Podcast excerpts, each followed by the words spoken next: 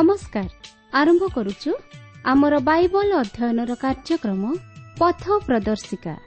ପବିତ୍ର ବାଇବଲ କହେ ଯଦି ଆମ୍ଭେମାନେ ଆପଣା ଆପଣା ପାପ ସ୍ୱୀକାର କରୁ ତେବେ ସେ ଆମ୍ଭମାନଙ୍କର ପାପ କ୍ଷମା କରିବାକୁ ଓ ସମସ୍ତ ଅଧର୍ମରୁ ଆମ୍ଭମାନଙ୍କୁ ପରିଷ୍କାର କରିବାକୁ ବିଶ୍ୱସ୍ତ ଓ ନ୍ୟାୟବାନ ଅଟନ୍ତି।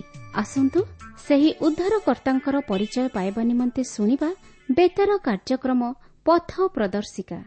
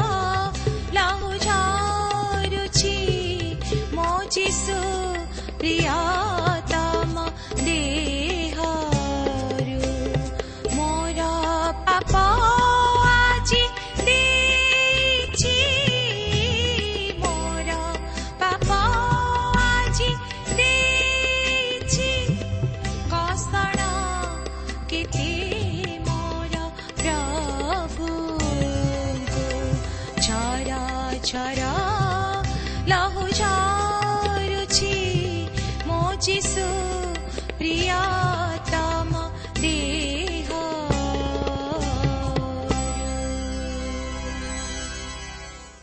ପ୍ରିୟଶ୍ରୋତା ବନ୍ଧୁ ଆଜିର ଏହି ଶୁଭ ଅବସରରେ ଆମର ପଥ ପ୍ରଦର୍ଶିକା ବେତାର ଅନୁଷ୍ଠାନ ପକ୍ଷରୁ ଆପଣଙ୍କୁ ହାର୍ଦ୍ଦିକ ଅଭିନନ୍ଦନ ଓ ପ୍ରୀତି ଶୁଭେଚ୍ଛା ଜ୍ଞାପନ କରୁଅଛୁ। ପ୍ରଭୁ ଆପଣଙ୍କୁ ଆଶୀର୍ବାଦ କରନ୍ତୁ ଆହୁରି ଆହୁରି ଆତ୍ମିକ ଜୀବନରେ ବର୍ଦ୍ଧିଷ୍ଣୁ କରାନ୍ତୁ। ଆପଣଙ୍କର ସହଯୋଗ ତଥା ମତାମତ ନିମନ୍ତେ ମଧ୍ୟ ବିଶେଷ ଧନ୍ୟବାଦ। ଆପଣ ଏହି କାର୍ଯ୍ୟକ୍ରମ ନିୟମିତ ଶୁଣିବା ସଙ୍ଗେ ସଙ୍ଗେ ଅନ୍ୟମାନଙ୍କୁ ଏହି କାର୍ଯ୍ୟକ୍ରମ ଶୁଣିବା ନିମନ୍ତେ ଉତ୍ସାହିତ କରୁଥିବାର ଜାଣି ଆମେ ମଧ୍ୟ ବିଶେଷ ଖୁସି। ଆପଣଙ୍କର ପ୍ରାର୍ଥନାର ଅନୁରୋଧ ରକ୍ଷା କରି ଆମେ ମଧ୍ୟ ଆପଣଙ୍କ ନିମନ୍ତେ ପ୍ରାର୍ଥନା କରୁଅଛୁ। ଆଉ ସେହି ପ୍ରଭୁ ଯୀଶୁ ନିଶ୍ଚିତ ଭାବରେ ଆପଣଙ୍କୁ ସୁସ୍ଥତା ଦେବେ।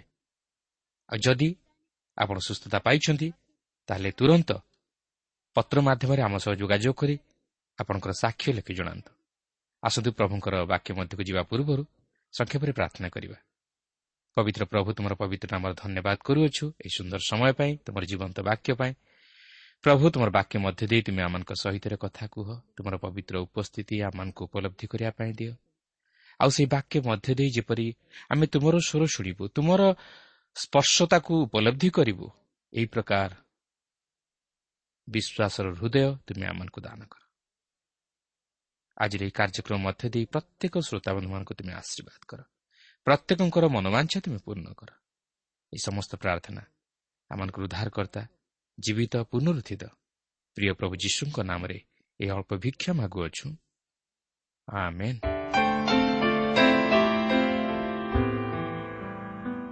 ଆସନ୍ତୁ ବର୍ତ୍ତମାନ ଆମେ ପ୍ରଭୁଙ୍କର ବାକ୍ୟ ମଧ୍ୟକୁ ଯିବା। ଆପଣଙ୍କ ପାଖରେ ଯଦି ପବିତ୍ର ବାଇବଲ କିମ୍ବା ନୂତନ ନିୟମ ଅଛି ତାହେଲେ ମୋ ସହିତ ଖୋଲନ୍ତୁ ଓ ଅଧ୍ୟୟନ କରନ୍ତୁ। ଆଜି ଆମେ ପ୍ରେରିତ ଛବିଶ ପର୍ବର ଦୁଇ ପଦଠାରୁ ଆରମ୍ଭ କରି ପଚିଶ ପଦ ପର୍ଯ୍ୟନ୍ତ ଅଧ୍ୟୟନ କରିବା ନିମନ୍ତେ ଯିବା। ମୋର ଅନୁରୋଧ ଆପଣ ମନୋଯୋଗର ସହିତ ଏହି କାର୍ଯ୍ୟକ୍ରମ ଆରମ୍ଭରୁ ଶେଷ ପର୍ଯ୍ୟନ୍ତ ବସି ଶୁଣନ୍ତୁ। ତାହେଲେ ଆପଣ ଈଶ୍ୱରଙ୍କ ବାକ୍ୟର ଗଭୀର ମର୍ମକୁ ବୁଝିବା ସଙ୍ଗେ ସଙ୍ଗେ ଏହାର ସତ୍ୟାସତ୍ୟକୁ ଜାଣିବା ନିମନ୍ତେ ସମର୍ଥ ହୋଇପାରିବେ। ତେବେ ଆପଣଙ୍କର ମନେଥିବ ଯେ ଗତ ଆଲୋଚନାରେ ଆମେ ଦେଖିଥିଲୁ ଫେଷ୍ଟ ପାଉଲଙ୍କ ବିରୁଦ୍ଧରେ କରାଯାଉଥିବା ଅଭିଯୋଗର କାରଣ ସମ୍ପର୍କରେ ଜାଣିବା ନିମନ୍ତେ ରାଜା ଆଗ୍ରିପାଙ୍କୁ ପାଉଲଙ୍କର ଘଟଣାର ତଦନ୍ତ କରିବା ନିମନ୍ତେ ଅନୁରୋଧ କରିଥିଲେ। ଯେପରି ସେ ପାଉଲଙ୍କର ତ୍ରୁଟି ଧରିପାରନ୍ତି। ତେବେ ବର୍ତ୍ତମାନ ପାଉଲ ଆଗ୍ରିପାଙ୍କ ସମ୍ମୁଖରେ ତାହାଙ୍କ ଆତ୍ମପକ୍ଷ ସମର୍ଥନ କରିବାର ସୁଯୋଗ ପାଇଛନ୍ତି ଓ ସେ ତାହାଙ୍କର ସାକ୍ଷ୍ୟ ମାଧ୍ୟମରେ ଖ୍ରୀଷ୍ଟଙ୍କୁ ପ୍ରଚାର କରିବା ନିମନ୍ତେ ସୁଯୋଗ ପାଇଅଛନ୍ତି। ତେବେ ସେ କେଉଁପରି ନିଜର ସାକ୍ଷ୍ୟ ଆଗ୍ରିପାଙ୍କ ନିକଟରେ ପ୍ରଦାନ କରୁଛନ୍ତି ଆସନ୍ତୁ ବର୍ତ୍ତମାନ ଲକ୍ଷ୍ୟ କରିବାକୁ ଯିବା। ଛବିଶ ପର୍ବର ଦୁଇ ଓ ତିନି ପଦରେ ଏହିପରି ଲେଖା ଅଛି ହେ ରାଜନ ଆଗ୍ରିପା ଜୁହୁଦୀମାନେ ମୋ ବିରୁଦ୍ଧରେ ଯେ ସମସ୍ତ ଅଭିଯୋଗ କରୁଅଛନ୍ତି ସେ ସମ୍ବନ୍ଧରେ ମୁଁ ଯେ ଆଜି ଆପଣଙ୍କ ଛାମୁରେ ଆତ୍ମପକ୍ଷ ସମର୍ଥନ କରିବାକୁ ସୁଯୋଗ ପାଇଅଛି ଏଥିପାଇଁ ମୁଁ ଆପଣାକୁ ଭାଗ୍ୟବାନ ମନେ କରୁଅଛି। ବିଶେଷରେ ଏହି କାରଣରୁ ଯେ ଆପଣ ଜିହୁଦୀମାନଙ୍କ ମଧ୍ୟରେ ପ୍ରଚଳିତ ସମସ୍ତ ରୀତିନୀତି ଓ ମତାମତ ସମ୍ବନ୍ଧରେ ନିପୁଣ ଅଟନ୍ତି। ଏଥିପାଇଁ ଧୈର୍ଯ୍ୟ ଧରି ମୋର କଥା ଶ୍ରବଣ କରିବା ନିମନ୍ତେ ମୁଁ ଆପଣଙ୍କୁ ବିନତି କରୁଅଛି। ପାଉଲ ବର୍ତ୍ତମାନ ଜଣଙ୍କ ସହିତ କଥାବାର୍ତ୍ତା କରିବା ନିମନ୍ତେ ସୁଯୋଗ ପାଇଛନ୍ତି ଯେ କି ପାଉଲ କ'ଣ କହିବା ପାଇଁ ଯାଉଅଛନ୍ତି ତାହା ସେ ବୁଝିପାରୁଛନ୍ତି। କାରଣ ଆଗ୍ରିପା ଜଣେ ବୁଦ୍ଧିମାନ ବ୍ୟକ୍ତି ଥିଲେ। ଓ ସେ ମୂଷାଙ୍କ ବ୍ୟବସ୍ଥା ସମ୍ପର୍କରେ ଅବଗତ ହୋଇଥିଲେ ଓ ସେ ଜିହୁଦୀମାନଙ୍କର ପୃଷ୍ଠଭୂମି ମଧ୍ୟ ଜାଣିଥିଲେ। ପାଉଲ ବାସ୍ତବରେ ଏହି ସୁଯୋଗ ପାଇ ଅତି ଆନନ୍ଦିତ ଥିଲେ ଯେ ସେ ଯେଉଁ ବ୍ୟକ୍ତିଙ୍କ ସହିତ କଥାବାର୍ତ୍ତା କରିବା ପାଇଁ ଯାଉଅଛନ୍ତି ସେ ଏହି ଘଟଣାର ସତ୍ୟାସତ୍ୟ ବୁଝିପାରିବେ ଯେହେତୁ ମୂଷାଙ୍କ ବ୍ୟବସ୍ଥା ଉପରେ ତାହାଙ୍କର ଗଭୀର ଜ୍ଞାନ ଅଛି। ଆଉ ପାଉଲ ମଧ୍ୟ ସେହିପରି ଭାବରେ ମୂଷାଙ୍କ ବ୍ୟବସ୍ଥା ଉପରେ ଗଭୀର ଜ୍ଞାନ ଆହରଣ କରିଥିଲେ। ମାତ୍ର ପାଉଲ ଓ ଆଗ୍ରିପାଙ୍କ ମଧ୍ୟରେ ଏତିକି ଭିନ୍ନତା ଥିଲା ଯେ ପାଉଲ ଖ୍ରୀଷ୍ଟଙ୍କୁ ଜାଣିଥିଲେ ଓ ଖ୍ରୀଷ୍ଟଙ୍କର ପରିଚୟ ପାଇଥିଲେ ମାତ୍ର ଆଗ୍ରିପା ଖ୍ରୀଷ୍ଟଙ୍କୁ ଜାଣିନଥିଲେ। ତେଣୁକରି ସେହି କାରଣରୁ ବ୍ୟବସ୍ଥା ତାହାଙ୍କ ନିମନ୍ତେ ଏକ ନୂତନ ଅର୍ଥ ପ୍ରକାଶ କରୁଥିଲା। ପାଉଲଙ୍କର ଆତ୍ମା ଏକ ନୂତନ ଆଲୋକରେ ଉଦ୍ଭାସିତ ହେଉଥିଲା। ବର୍ତ୍ତମାନ ସେ ଦେଖିବାକୁ ପାରୁଛନ୍ତି ଯେ ଧାର୍ମିକତା ସାଧନ ନିମନ୍ତେ ଖ୍ରୀଷ୍ଟ ହିଁ ହେଉଛନ୍ତି ବ୍ୟବସ୍ଥାର ଅନ୍ତ। ଅର୍ଥାତ୍ ଖ୍ରୀଷ୍ଟ ହିଁ ହେଉଛନ୍ତି ସବୁକିଛି ଈଶ୍ୱର ଯେଉଁ ଧାର୍ମିକତା ମନୁଷ୍ୟମାନଙ୍କଠାରୁ ଆଶା କରୁଥିଲେ ତାହା ସେ ପ୍ରଭୁ ଯୀଶୁଖ୍ରୀଷ୍ଟଙ୍କଠାରେ ସମସ୍ତ ମାନବ ଜାତିକୁ ପ୍ରଦାନ କରିଅଛନ୍ତି ଯେହେତୁ ପ୍ରଭୁ ଯୀଶୁଖ୍ରୀଷ୍ଟଙ୍କଠାରେ ବ୍ୟବସ୍ଥା ସଫଳ ହୋଇଅଛି ଓ ସେ ବ୍ୟବସ୍ଥା ଅନୁଯାୟୀ ସମସ୍ତ ଧର୍ମକର୍ମ ସାଧନ କରିଅଛନ୍ତି। ଈଶ୍ୱର ଖ୍ରୀଷ୍ଟଙ୍କ ମାଧ୍ୟମରେ ତାହାଙ୍କର ଅନୁଗ୍ରହ ଓ ପ୍ରେମ ଜଗତ ପ୍ରତି ପ୍ରକାଶ କରିଅଛନ୍ତି। ପାଉଲ ଚାହୁଁଥିଲେ ଯେପରି ରାଜା ଆଗ୍ରିପା ତାହା ଜାଣନ୍ତୁ। ତେଣୁକରି ଯେତେବେଳେ ସେ ଆଗ୍ରିପାଙ୍କ ସହିତ କଥାବାର୍ତ୍ତା କରନ୍ତି ସେତେବେଳେ ତାଙ୍କ ହୃଦୟ ମଧ୍ୟରୁ ଖ୍ରୀଷ୍ଟଙ୍କ ନିମନ୍ତେ ଆତ୍ମା ଲାଭର ପିପାସା ଜାତ ହେଲା ପରି ମନେ ହୁଏ। ତେଣୁକରି ମୁଁ ଭାବେ ଯେ ପାଉଲଙ୍କର ସମ୍ବାଦ ଏଠାରେ ସବୁଠାରୁ ହୃଦୟସ୍ପର୍ଶୀ ହୋଇଥିବ। ଯଦିଓ ସେଠାରେ ଅନେକ ଲୋକ ଏହି ସମ୍ବାଦ ଶୁଣୁଥିଲେ ମାତ୍ର ପାଉଲ କେବଳ ଜଣେ ବ୍ୟକ୍ତିଙ୍କୁ ସେହି ସମ୍ବାଦ ପରିବେଷଣ କରିଥିଲେ ସେ ହେଉଛନ୍ତି ରାଜା ଆଗ୍ରିପା ପାଉଲ ଏହି ବ୍ୟକ୍ତିଙ୍କୁ ଖ୍ରୀଷ୍ଟଙ୍କ ନିମନ୍ତେ ଲାଭ କରିବାକୁ ଚାହୁଁଥିଲେ। ତେବେ ପାଉଲ ଏଠାରେ ଅତି ସୁନ୍ଦର ଭାବରେ ଆଗ୍ରିପାଙ୍କ ନିକଟରେ କହିବାକୁ ଚାହାନ୍ତି ଯେ ସେ ରାଜାଙ୍କ ନିକଟରେ କଥା କହିବା ନିମନ୍ତେ ସୁଯୋଗ ପାଇଥିବାରୁ ବିଶେଷ ଆନନ୍ଦିତ। ଏହାପରେ ସେ ଆଗକୁ ତାହାଙ୍କର ଯୌବନ ସମୟର ଅନୁଭୂତି ଓ ପୃଷ୍ଠଭୂମି ସମ୍ପର୍କରେ ରାଜାଙ୍କୁ ଅବଗତ କରାଇ ଦିଅନ୍ତି। ଏହାପରେ ସେ ତାହାଙ୍କର ଜୀବନର ପରିବର୍ତ୍ତନ କିପରି ଘଟିଲା ତାହା ପ୍ରକାଶ କରନ୍ତି ଓ ଶେଷରେ ସେ ସେହି ଆଗ୍ରିପାଙ୍କୁ ଖ୍ରୀଷ୍ଟଙ୍କ ନିମନ୍ତେ ଲାଭ କରିବା ପାଇଁ ଚେଷ୍ଟା କରନ୍ତି। ତେବେ ବର୍ତ୍ତମାନ ମୁଁ ସେହି ଘଟଣାଟିକୁ ସମ୍ପୂର୍ଣ୍ଣ ଭାବେ ପାଠ କରି ଆପଣଙ୍କୁ ଶୁଣାଇବାକୁ ଚାହେଁ କାରଣ ପ୍ରକୃତିରେ ଏହା ପାଉଲଙ୍କର ଜୀବନ କାହାଣୀ ପ୍ରକାଶ କରେ। ଏହାପରେ ଆମେ ସେହି ସାକ୍ଷ୍ୟ ଉପରେ ସଂକ୍ଷେପରେ କିଛି ଆଲୋଚନା କରିବାକୁ ଯିବା। ମୁଁ ଅଧ୍ୟୟନ କରୁଅଛି ଆପଣ ମନ ଦେଇ ଶୁଣନ୍ତୁ। ଛବିଶ ପର୍ବର ତିନି ପଦରୁ ତେଇଶ ପଦରେ ଏହିପରି ଲେଖା ଅଛି ବିଶେଷରେ ଏହି କାରଣରୁ ଯେ ଆପଣ ଜିହୁଦୀମାନଙ୍କ ମଧ୍ୟରେ ପ୍ରଚଳିତ ସମସ୍ତ ରୀତିନୀତି ଓ ମତାମତ ସମ୍ବନ୍ଧରେ ନିପୁଣ ଅଟନ୍ତି।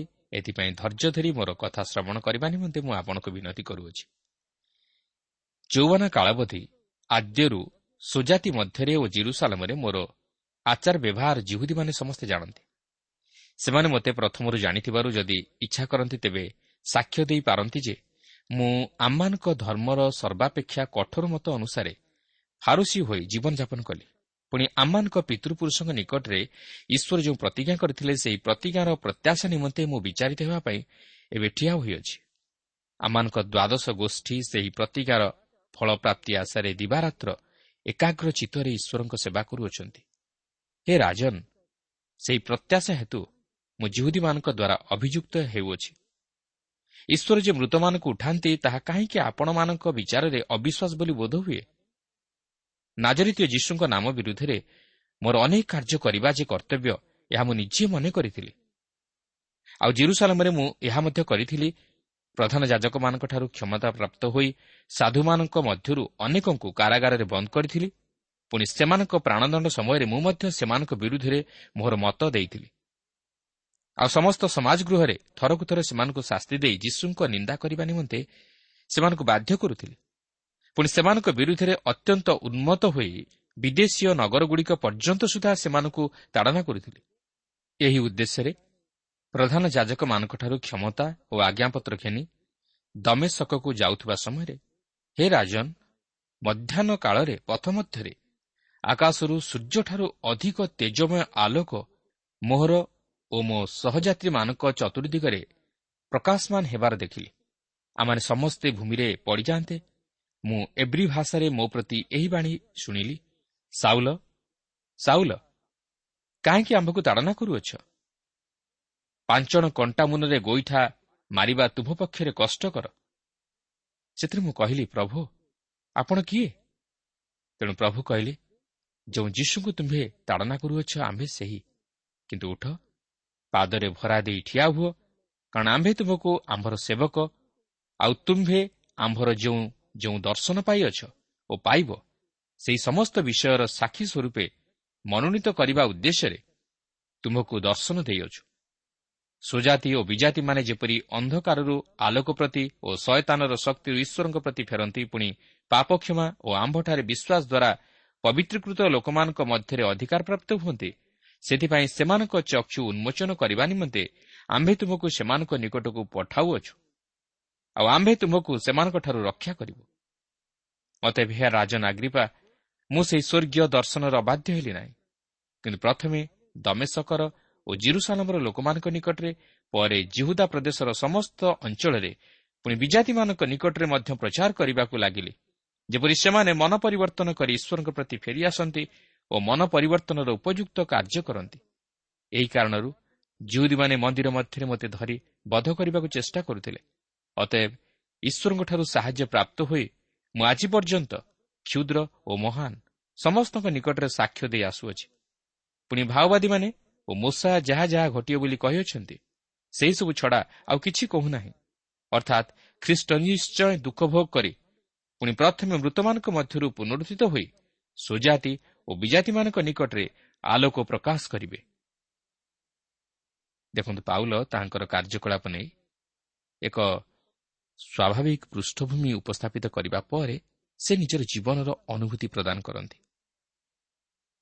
ସେ କିପରି ଜଣେ ଫାରୁସି ପରି ଜୀବନଯାପନ କଲେ ଓ ବ୍ୟବସ୍ଥା ସପକ୍ଷରେ ଛିଡ଼ା ହୋଇଥିଲେ ତାହା ପ୍ରକାଶ କରନ୍ତି ଏବଂ ଏହାପରେ ସେ ସେହି ଦମେଶକର ପଥରେ ଲାଭ କରିଥିବା ଅନୁଭୂତିକୁ ପ୍ରକାଶ କରନ୍ତି ଯାହାକି ତାଙ୍କ ଜୀବନର ଏକ ଚମତ୍କାର ଓ ଲୋମହର୍ଷଣକାରୀ ତଥା ଚିତ୍ତାକର୍ଷକ ସାକ୍ଷ୍ୟ ଥିଲା। ସେ କହନ୍ତି ମୁଁ ଭାବିଥିଲି ନାଜରିତୀୟ ଯୀଶୁଙ୍କ ବିରୁଦ୍ଧରେ ଯାଇ ଅନେକ କିଛି କରିବା ନିମନ୍ତେ କିନ୍ତୁ ତାହା ସମ୍ଭବ ହେଲା ନାହିଁ। ଯେହେତୁ ତାହାଙ୍କ ଇଚ୍ଛା ବିରୁଦ୍ଧରେ କେହି ଯାଇପାରେ ନାହିଁ। ପ୍ରକୃତରେ ପ୍ରିୟ ବନ୍ଧୁ ପ୍ରେରିତ ପାଉଲଙ୍କ ପରି ଅତି ନିଷ୍ଠୁର ପାଶବିକ ଶତ୍ରୁ ପ୍ରଭୁ ଯୀଶୁଙ୍କର କେହି ନଥିଲେ।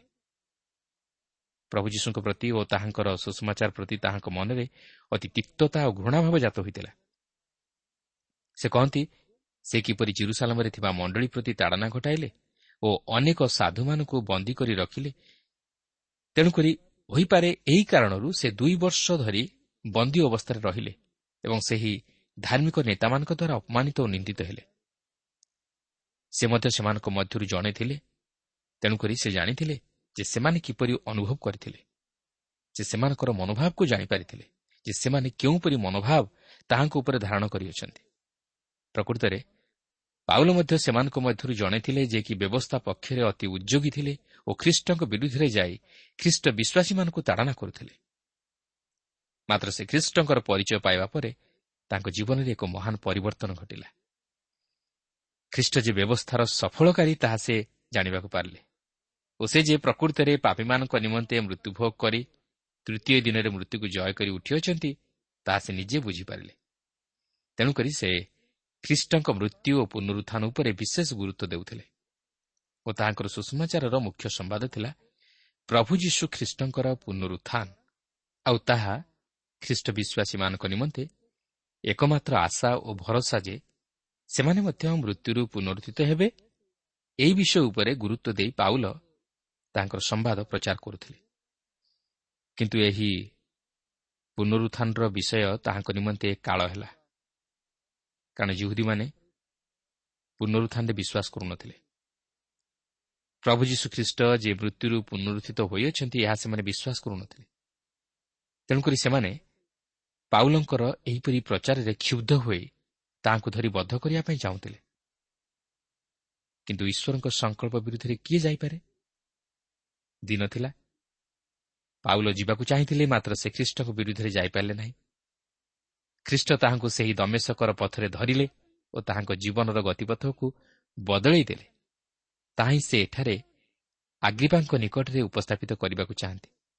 ଆଉ ତାହା ହିଁ ଥିଲା ତାଙ୍କ ଜୀବନର ସବୁଠାରୁ ଶ୍ରେଷ୍ଠ ଅନୁଭୂତି ଓ ଶ୍ରେଷ୍ଠ ସାକ୍ଷ୍ୟ। ଦେଖନ୍ତୁ ଛବିଶ ପର୍ବର ତେର ପଦରେ ସେ ତାହାଙ୍କର ସେହି ଦମେଶକ ପଥର ଅନୁଭୂତିକୁ ପୁନର୍ବାର ରାଜା ଆଗ୍ରିପାଙ୍କ ନିକଟରେ ଉପସ୍ଥାପିତ କରୁଅଛନ୍ତି ଯେପରି ସେ ସେହି ସାକ୍ଷ୍ୟ ମଧ୍ୟ ଦେଇ ନିଜକୁ ରକ୍ଷା କରିବା ନିମନ୍ତେ ନୁହେଁ ମାତ୍ର ଆଗ୍ରିପାଙ୍କୁ ଖ୍ରୀଷ୍ଟଙ୍କ ନିମନ୍ତେ ଲାଭ କରିବାକୁ ପାରନ୍ତି ଓ ତାହାଙ୍କ ଜୀବନକୁ ବିନାଶରୁ ରକ୍ଷା କରିବାକୁ ପାରନ୍ତି। ତେବେ ମୁଁ ସେହି ପଦଗୁଡ଼ିକୁ ପୁନର୍ବାର ଅଧ୍ୟୟନ କରିବାକୁ ଯାଉନାହିଁ ମାତ୍ର ସଂକ୍ଷେପରେ ସେହି ବିଷୟ ବସ୍ତୁକୁ ଉପସ୍ଥାପିତ କରିବାକୁ ଚାହେଁ। କାରଣ ଆମେ ସେହି ଘଟଣା ସମ୍ପର୍କରେ ପୂର୍ବରୁ ଆଲୋଚନା କରି ଦେଖିସାରିଛୁ ଯେ ପାଉଲ କିପରି ସେହି ଦମେଶକର ପଥରେ ପ୍ରଭୁଙ୍କର ଦର୍ଶନ ପାଇଲେ ଓ ସେ କିପରି ପ୍ରଭୁ ଯୀଶୁଙ୍କ ନିମନ୍ତେ ସାକ୍ଷୀ ହେବା ପାଇଁ ଆହ୍ୱାନ ପ୍ରାପ୍ତ ହେଲେ।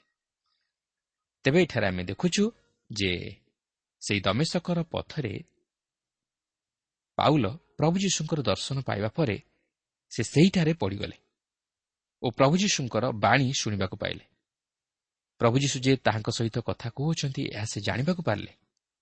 ତାପରେ ପାଉଲ ଜାଣିବାକୁ ପାରିଲେ ଯେ ସେ ଈଶ୍ୱରଙ୍କ ଇଚ୍ଛା ବିରୁଦ୍ଧରେ ଯାଉଅଛନ୍ତି। ଏହାର ଅନେକ ବର୍ଷ ପରେ ସେ ସେହି ଫିଲିପିଓ ମଣ୍ଡଳୀ ନିକଟକୁ ଏହି ଅନୁଭୂତି ପତ୍ର ମାଧ୍ୟମରେ ଲେଖି ଜଣାଇବା ସମୟରେ ସେ ଏହିପରି ଉଲ୍ଲେଖ କରନ୍ତି ଯାହାକି ଫିଲିପିଓ ତିନି ପର୍ବର ସାତ ଓ ଆଠ ପଦରେ ଲେଖା ଅଛି କିନ୍ତୁ ଯାହାସବୁ ମୋ ପକ୍ଷରେ ଲାଭଜନକ ଥିଲା ସେହିସବୁ ମୁଁ ଖ୍ରୀଷ୍ଟଙ୍କ ନିମନ୍ତେ କ୍ଷତିଜନକ ବୋଲି ଗଣ୍ୟ କରିଅଛି। ହଁ ପ୍ରକୃତରେ ମୁଁ ମୋର ପ୍ରଭୁ ଖ୍ରୀଷ୍ଟ ଯୀଶୁଙ୍କ ଜ୍ଞାନର ଉତ୍କୃଷ୍ଟତା ନିମନ୍ତେ ସମସ୍ତ ବିଷୟ କ୍ଷତିଜନକ ବୋଲି ଗଣ୍ୟ କରେ। ତାହାଙ୍କ ନିମନ୍ତେ ମୁଁ ସମସ୍ତ ବିଷୟର କ୍ଷତି ସହ୍ୟ କଲି। ପୁଣି ସେହିସବୁ ଆବର୍ଜନା ସ୍ୱରୂପ ଗଣ୍ୟ କରେ ଯେପରି ମୁଁ ଖ୍ରୀଷ୍ଟଙ୍କୁ ଲାଭ କରିପାରେ ଓ ତାହାଙ୍କର ବୋଲି ଗଣାଯାଏ। ବାସ୍ତବରେ ପାଉଲଙ୍କ ଜୀବନରେ ଏକ ମହାନ ପରିବର୍ତ୍ତନ ଘଟିଥିଲା। ସେ ଯଦିଓ ଜଣେ ଫାରୁସି ଥିଲେ ମାତ୍ର ଯେତେବେଳେ ସେ ପ୍ରଭୁ ଯୀଶୁଖ୍ରୀଷ୍ଟଙ୍କର ପରିଚୟ ପାଇଲେ ସେତେବେଳେ ସେ ଜାଣିପାରିଲେ ପ୍ରକୃତିରେ ସତ୍ୟ କ'ଣ। ସେ ଖ୍ରୀଷ୍ଟଙ୍କୁ ଲାଭ କରିବାକୁ ଚାହିଁଲେ ମାତ୍ର ଆଉ ସମସ୍ତ ବିଷୟର କ୍ଷତି ସହ୍ୟ କରିବାକୁ ସେ ପଛଘୁଞ୍ଚା ଦେଲେ ନାହିଁ। ଯାହା ସେ ଲାଭର ବିଷୟ ବୋଲି ଭାବୁଥିଲେ ସେହିସବୁକୁ ସେ ଖ୍ରୀଷ୍ଟଙ୍କ ନିମନ୍ତେ କ୍ଷତିଜନକ ବୋଲି ଗଣ୍ୟ କଲେ। ଯେଉଁ ପ୍ରଭୁ ଯୀଶୁଙ୍କୁ ସେ ଘୃଣା କରୁଥିଲେ ଓ ତାହାଙ୍କ ବିରୁଦ୍ଧରେ ଯାଉଥିଲେ ସେହି ପ୍ରଭୁ ଯୀଶୁ ତାଙ୍କ ଜୀବନର କେନ୍ଦ୍ରବିନ୍ଦୁରେ ରହିଲେ ଓ ତାହାଙ୍କ ଦୃଷ୍ଟିରେ ସବୁଠାରୁ ଚମତ୍କାର ବ୍ୟକ୍ତି ରୂପେ ଗଣିତ ହେଲେ ଓ ସବୁଠାରୁ ଚମତ୍କାର ବ୍ୟକ୍ତି ରୂପେ ସ୍ଥାନ ପାଇଲେ। ଏହାପରେ ସେ ତାଙ୍କର ସେହି ଦର୍ଶନର ବାସ୍ତବତ୍ୱକୁ ଫେଷ୍ଟ ଓ ରାଜା ଆଗ୍ରିପାଙ୍କ ନିକଟରେ ବର୍ଣ୍ଣନା କଲେ। ପ୍ରଭୁ ଶ୍ରୀଖ୍ରୀଷ୍ଟ ପାଉଲଙ୍କୁ ବିଜାତିମାନଙ୍କ ମଧ୍ୟରେ ସୁଷମାଚାର ପ୍ରଚାର କରିବା ନିମନ୍ତେ ଆଦେଶ ଦେଇଥିଲେ ଓ ସେ ତାହାଙ୍କୁ ସେମାନଙ୍କ ହସ୍ତରୁ ରକ୍ଷା କରିବେ ବୋଲି ମଧ୍ୟ ପ୍ରତିଜ୍ଞା କରିଥିଲେ। କିନ୍ତୁ ଏହି କଥା ସେହି ଦୁଇ ବିଜାତୀୟ ଶାସନକର୍ତ୍ତା ଓ ରାଜାଙ୍କୁ ମର୍ମାହତ କରିଥିଲା। ମାତ୍ର ସେମାନେ ତାଙ୍କୁ ସ୍ପର୍ଶ କରିପାରିନଥିଲେ ଯେହେତୁ ସେ କାଇଶ୍ୱରଙ୍କ ଛାମୁରେ ବିଚାରିତ ହେବା ନିମନ୍ତେ ପ୍ରାର୍ଥନା କରିଥିଲେ। କିନ୍ତୁ ତଥାପି ସେ ସେମାନଙ୍କ ନିକଟରେ ସୁଷମାଚାର ପ୍ରଚାର କରିବା ନିମନ୍ତେ ସକ୍ଷମ ହୋଇପାରିଥିଲେ। ଏହାପରେ ଉଣେଇଶ ପଦର ଆରମ୍ଭରେ ଆମେ ଦେଖୁ ଯେ ପାଉଲ ସେହି ଦର୍ଶନର ପ୍ରତ୍ୟୁତ୍ତର କିପରି ଦେଇଥିଲେ ତାହା ସେମାନଙ୍କ ନିକଟରେ ପ୍ରକାଶ କରୁଛନ୍ତି। ଅତଏବ ହେ ରାଜନାଗ୍ରିପା ମୁଁ ସେହି ସ୍ୱର୍ଗୀୟ ଦର୍ଶନର ଅବାଧ୍ୟ ହେଲି ନାହିଁ। ଅନ୍ୟ ଅର୍ଥରେ କହିବାକୁ ଗଲେ ପ୍ରେରିତ ପାଉଲ ଏହି ଶିକ୍ଷା ଦେବାକୁ ଚାହାନ୍ତି ମୁଁ ଯାହା କରିଅଛି ତୁମେମାନେ କ'ଣ ସେହିପରି କରିପାରିବ ନାହିଁ କି? ଆରମ୍ଭରୁ ପ୍ରେରିତ ପାଉଲ ପରିଷ୍କାର ଭାବେ ଜଣାଇ ଆସୁଅଛନ୍ତି ଯେ ସେହି ମାର୍ଗ ହେଉଛି ପୁରାତନ ନିୟମର ସଫଳତା ଓ ବିକାଶ। ସେଥିପାଇଁ ଏହି ଛବିଶ ପର୍ବର ବାଇଶ ପଦରେ ସେ ଏହିପରି କହନ୍ତି ଅତଏବ ଈଶ୍ୱରଙ୍କଠାରୁ ସାହାଯ୍ୟ ପ୍ରାପ୍ତ ହୁଏ ମୁଁ ଆଜି ପର୍ଯ୍ୟନ୍ତ କ୍ଷୁଦ୍ର ଓ ମହାନ ସମସ୍ତଙ୍କ ନିକଟରେ ସାକ୍ଷ୍ୟ ଦେଇ ଆସୁଅଛି। ପୁଣି ମାଓବାଦୀମାନେ ଓ ମୂଷା ଯାହା ଯାହା ଘଟିବ ବୋଲି କହିଅଛନ୍ତି ସେହିସବୁ ଛଡ଼ା ଆଉ କିଛି କହୁନାହିଁ। ଅର୍ଥାତ୍ ଖ୍ରୀଷ୍ଟ ନିଶ୍ଚୟ ଦୁଃଖ ଭୋଗ କରି ପୁଣି ପ୍ରଥମେ ମୃତମାନଙ୍କ ମଧ୍ୟରୁ ପୁନରୁଦ୍ଧିତ ହୋଇ ସ୍ୱଜାତି ଓ ବିଜାତିମାନଙ୍କ ନିକଟରେ ଆଲୋକ ପ୍ରକାଶ କରିବେ। ପ୍ରକୃତିରେ ପାଉଲ ପୁରାତନ ନିୟମର ବିରୁଦ୍ଧରେ ପ୍ରଚାର କରୁନଥିଲେ ବା ତାହାଙ୍କର ପ୍ରଚାର ବ୍ୟବସ୍ଥା ବିରୁଦ୍ଧରେ ନଥିଲା। କିନ୍ତୁ ସେହି ପୁରାତନ ନିୟମର ଭାବବାଣୀ ଓ ବ୍ୟବସ୍ଥା ଯେ ଖ୍ରୀଷ୍ଟଙ୍କଠାରେ ସଫଳ ହୋଇଅଛି ଓ ଖ୍ରୀଷ୍ଟ ଯେ ଏକମାତ୍ର ମାର୍ଗ ତାହା ପାଉଲ ପ୍ରଚାର କରୁଥିଲେ। ପୁରାତନ ନିୟମରେ ହୋଇଥିବା ଭାବବାଣୀ ଯେ ନୂତନ ନିୟମରେ ଖ୍ରୀଷ୍ଟଙ୍କର ଏହି ଜଗତକୁ ଆଗମନ କରିବାର ସଫଳ ହେଲା ତାହା ସେ ସାକ୍ଷ୍ୟ ଦିଅନ୍ତି। ବର୍ତ୍ତମାନ ପାଉଲ ରାଜା ଆଗ୍ରିପାଙ୍କ ସମ୍ମୁଖରେ ସେହି ସୁଷମାଚାର ପ୍ରଚାର କରନ୍ତି ଓ ଯେଉଁ ଲୋକମାନେ ସେଠାରେ ଥିଲେ ସେମାନେ ମଧ୍ୟ ସେହିସବୁ ବିଷୟ ଶୁଣିଲେ ଓ ସେହି ସୁଷମାଚାର ଶୁଣିଲେ। ଆଉ ସେହି ସୁଷମାଚାର ଥିଲା ଖ୍ରୀଷ୍ଟ ନିଶ୍ଚୟ ଦୁଃଖ ଭୋଗ କରି ପୁଣି ପ୍ରଥମେ ମୃତମାନଙ୍କ ମଧ୍ୟରୁ ପୁନରୁଦ୍ଧିତ ହୋଇ ସୁଜାତି ଓ ବିଜାତିମାନଙ୍କ ନିକଟରେ ଆଲୋକ ପ୍ରକାଶ କରିବେ। ପାଉଲ ଏଠାରେ ବିଜାତିମାନଙ୍କ ନିକଟରେ ବୋଲି ପ୍ରକାଶ କରନ୍ତି କାରଣ ସେହି ରାଜା ଆଗ୍ରିବା ଜଣେ ବିଜାତୀୟ ଥିଲେ। ଲକ୍ଷ୍ୟ କରନ୍ତୁ ପ୍ରେରିତ ପାଉଲ କେତେ ଚମତ୍କାର ଭାବରେ ସୁଷମାଚାରଟିକୁ ଆଣି ଉପସ୍ଥାପିତ କଲେ। ସେ ଖ୍ରୀଷ୍ଟଙ୍କର ମୃତ୍ୟୁ ଓ ପୁନରୁତ୍ଥାନର ବିଷୟକୁ ଅତି ସୁନ୍ଦର ଭାବରେ ଉପସ୍ଥାପିତ କଲେ। ପ୍ରଭୁ ଯୀଶୁଖ୍ରୀଷ୍ଟ ଯେ ପାପୀମାନଙ୍କ ନିମନ୍ତେ ମୃତ୍ୟୁଭୋଗ କଲେ ସମାଧିସ୍ଥ ହେଲେ ଓ ତୃତୀୟ ଦିବସରେ ମୃତ୍ୟୁକୁ ଜୟ କରି ଉଠିଲେ ତାହା ସେ ସେମାନଙ୍କ ନିକଟରେ ପ୍ରଚାର କଲେ ଯେପରି ସେ ସେମାନଙ୍କୁ ଖ୍ରୀଷ୍ଟଙ୍କ ନିମନ୍ତେ ଲାଭ କରିପାରନ୍ତି। ପାଉଲ ସଦାସର୍ବଦା ପୁନରୁତ୍ଥାନ ଉପରେ ବିଶେଷ ଗୁରୁତ୍ୱ ଦେଉଥିଲେ। ପ୍ରିୟ ବନ୍ଧୁ ଆମେ କେବଳ ପ୍ରଭୁ ଯୀଶୁଖ୍ରୀଷ୍ଟଙ୍କର ସେହି କୃଷିୟ ମୃତ୍ୟୁରେ ବିଶ୍ୱାସ କରି ପୁନରୁତ୍ଥାନକୁ ଅବିଶ୍ୱାସ କଲେ ହେବ ନାହିଁ। କାରଣ ପ୍ରଭୁ ଯୀଶୁଖ୍ରୀଷ୍ଟ ଯଦି ମୃତ୍ୟୁରୁ ପୁନରୁଦ୍ଧିତ ହୋଇନଥାନ୍ତେ ତାହେଲେ ସୁଷମାଚାରର ସତ୍ୟତା ପ୍ରତିପାଦିତ ହୋଇପାରିନଥାନ୍ତା ଆମେ ଯଦି ଖ୍ରୀଷ୍ଟଙ୍କର ପୁନରୁତ୍ଥାନରେ ବିଶ୍ୱାସ କରୁନାହୁଁ ତାହେଲେ ଆମେ ସୁଷମାଚାର ଶୁଣିବା ମଧ୍ୟ ବୃଥା। ଏହାର ଅର୍ଥ ଆମେ ସୁଷମାଚାରକୁ ପୂର୍ଣ୍ଣ ମାତ୍ରାରେ ବିଶ୍ୱାସ କରୁନାହୁଁ। ପାଉଲ ଏଠାରେ ଏହି ସୁଷମାଚାର ପ୍ରଚାର କରିବାର ଅର୍ଥ ସେ ସେମାନଙ୍କୁ ଜଣାଇ ଦେବାକୁ ଚାହାନ୍ତି ଯେ ଈଶ୍ୱର ମନୁଷ୍ୟ ଜାତିର ଇତିହାସରେ ପ୍ରବେଶ କରି ମନୁଷ୍ୟମାନଙ୍କର ଉଦ୍ଧାର ନିମନ୍ତେ କିଛି କରିଅଛନ୍ତି। ସେ ମନୁଷ୍ୟମାନଙ୍କ ନିମନ୍ତେ ତାହାଙ୍କର ସେହି ପ୍ରେମ ଓ ଅନୁଗ୍ରହ ଖ୍ରୀଷ୍ଟଙ୍କ ମାଧ୍ୟମରେ ପ୍ରକାଶ କରିଅଛନ୍ତି। ଯେପରି ମନୁଷ୍ୟ ଖ୍ରୀଷ୍ଟଙ୍କଠାରେ ବିଶ୍ୱାସ କରିବା ଦ୍ୱାରା ଈଶ୍ୱରଙ୍କର ସେହି ପ୍ରେମ ଓ ଅନୁଗ୍ରହର ଅଧିକାରୀ ହେବାକୁ ପାରେ। ପାଉଲ ତାହା ହିଁ ଏଠାରେ ସେହି ରାଜା ଓ ଶାସନକର୍ତ୍ତାମାନଙ୍କ ନିକଟରେ ଓ ସେଠାରେ ଥିବା ଅନ୍ୟ ସମସ୍ତ ଲୋକମାନଙ୍କ ନିକଟରେ ଓ ଆଜି ଏହି ବାକ୍ୟ ଦ୍ୱାରା ଆମମାନଙ୍କ ନିକଟରେ ମଧ୍ୟ ପ୍ରକାଶ କରନ୍ତି। କିନ୍ତୁ ଆମର ବିଶ୍ୱାସ ଆବଶ୍ୟକ। କିନ୍ତୁ ଦେଖନ୍ତୁ ପାଉଲଙ୍କର ଏପରି କଥାରେ ଫେଷ୍ଟ କିପରି ଉତ୍ତ୍ୟକ୍ତ ହୋଇ ପାଉଲଙ୍କ ପ୍ରଚାରରେ ବାଧା ସୃଷ୍ଟି କରୁଛନ୍ତି। ଚବିଶ ଓ ପଚିଶ ପଦରେ ଲେଖା ଅଛି ଏହି ପ୍ରକାରେ ସେ ଆତ୍ମପକ୍ଷ ସମର୍ଥନ କରୁଥିବା ସମୟରେ ଫେଷ୍ଟ ଉଚ୍ଚସ୍ୱରରେ କହିଲେ ପାଉଲ ତୁମେ ପାଗଳ ବହୁ ବିଦ୍ୟା ତୁମକୁ ପାଗଳ କରୁଅଛି କିନ୍ତୁ ପାଉଲ କହିଲେ ହେ ମହାମହିମ ଫେଷ୍ଟ ମୁଁ ପାଗଳ ନୁହେଁ ମାତ୍ର ସତ୍ୟ ଓ ସ୍ଥିର ବୁଦ୍ଧିର ବାକ୍ୟ ବ୍ୟକ୍ତ କରୁଅଛି ଦେଖନ୍ତୁ ପାଉଲ କିପରି ଅତି ଭଦ୍ରତାର ସହିତ ଫେଷ୍ଟକୁ ପ୍ରତ୍ୟୁତ୍ତର ଦେଉଛନ୍ତି। ପ୍ରକୃତରେ ପାଉଲଙ୍କର କଥାରୁ ଆମେ ଜାଣିବାକୁ ପାରୁ ଯେ ସେ ପାଗଳ ନଥିଲେ। ମାତ୍ର ଖ୍ରୀଷ୍ଟଙ୍କ ସୁଷମାଚାର ନିମନ୍ତେ ଜଣେ ପାଗଳ ବୋଲି ଗଣିତ ହୋଇଥିଲେ। ଆଜି ଏହି ଜଗତ ଏକ ପାଗଳଖାନା। କେହି ଧନ ନିମନ୍ତେ ପାଗଳ ତ କେହି ମାନ ସମ୍ମାନ ନିମନ୍ତେ ପାଗଳ। କେହି ନିଶାଦ୍ରବ୍ୟ ସେବନ କରିବା ନିମନ୍ତେ ପାଗଳ ତ ଆଉ କେହି ହୁଏତ ଯୌନଗତ ପ୍ରେମ ନିମନ୍ତେ ପାଗଳ। କିନ୍ତୁ ଜଣେ ଯଦି ଖ୍ରୀଷ୍ଟଙ୍କ ନିମନ୍ତେ ଓ ତାହାଙ୍କର ସୁଷମାଚାର ନିମନ୍ତେ ଓ ଈଶ୍ୱରଙ୍କର ପ୍ରେମ ନିମନ୍ତେ ପାଗଳ ହୋଇଯାଏ ତାହେଲେ ତହିଁରେ କ୍ଷତି କ'ଣ? ଆସୁ ପାଉଲଙ୍କ ପରି ଖ୍ରୀଷ୍ଟଙ୍କ ନିମନ୍ତେ ଆମେ ପାଗଳ ହୋଇଯାଉ। ଖ୍ରୀଷ୍ଟଙ୍କ ପ୍ରେମରେ ଆମମାନେ ବାଇ ହୋଇଯାଉ ପ୍ରଭୁ ଆମ ପ୍ରତ୍ୟେକଙ୍କୁ ଆଶୀର୍ବାଦ କରନ୍ତୁ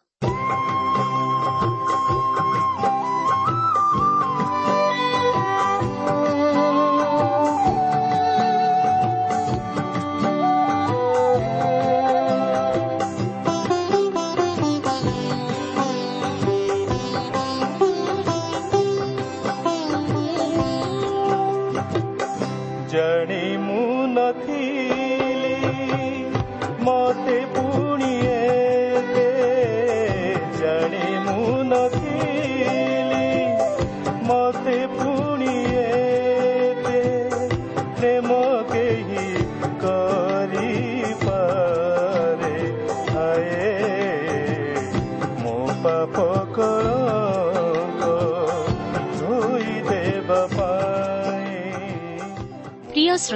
ଏହି କାର୍ଯ୍ୟକ୍ରମ ଶୁଣିଥିବାରୁ ଆପଣଙ୍କୁ ଅଶେଷ ଧନ୍ୟବାଦ। ଏହି କାର୍ଯ୍ୟକ୍ରମ ଆପଣଙ୍କୁ କିପରି ଲାଗିଲା ଓ କେଉଁ ବିଷୟଟି ଆପଣଙ୍କ ହୃଦୟକୁ ଅଧିକ ସ୍ପର୍ଶ କରିଛି ତାହା ଲେଖି ଜଣାଇଲେ ଆମେ ବିଶେଷ ଉପକୃତ ହେବୁ। ଯଦି କିଛି ପ୍ରଶ୍ନ ବା ସନ୍ଦେହ ଥାଏ ତାହା ପତ୍ର ମାଧ୍ୟମରେ ଅଥବା ଟେଲିଫୋନ୍ ଯୋଗେ ଆମକୁ ଜଣାନ୍ତୁ। ଆମର ଠିକଣା ପଥ ପ୍ରଦର୍ଶିକା Trans World Radio India post box number ତିନି ତିନି ଭୁବନେଶ୍ୱର ସାତ ପାଞ୍ଚ ଏକ ଶୂନ ଶୂନ ଏକ mobile number nine seven double seven double two one four one five ଠିକଣାଟି ଆଉଥରେ ଶୁଣନ୍ତୁ ପଥ ପ୍ରଦର୍ଶିକା Trans World Radio India post box number three three Bhubaneswar seven five one zero zero one mobile number nine seven double seven double two one four one five ଆମର email ଆଡ୍ରେସଟି ଲେଖି ରଖନ୍ତୁ Odia TTV at radio eight eight two dot com ତେବେ ଆଜି ପାଇଁ ଏଇଠାରେ ରଖୁଛୁ। ନମସ୍କାର। ହାର କରି ବସିଥା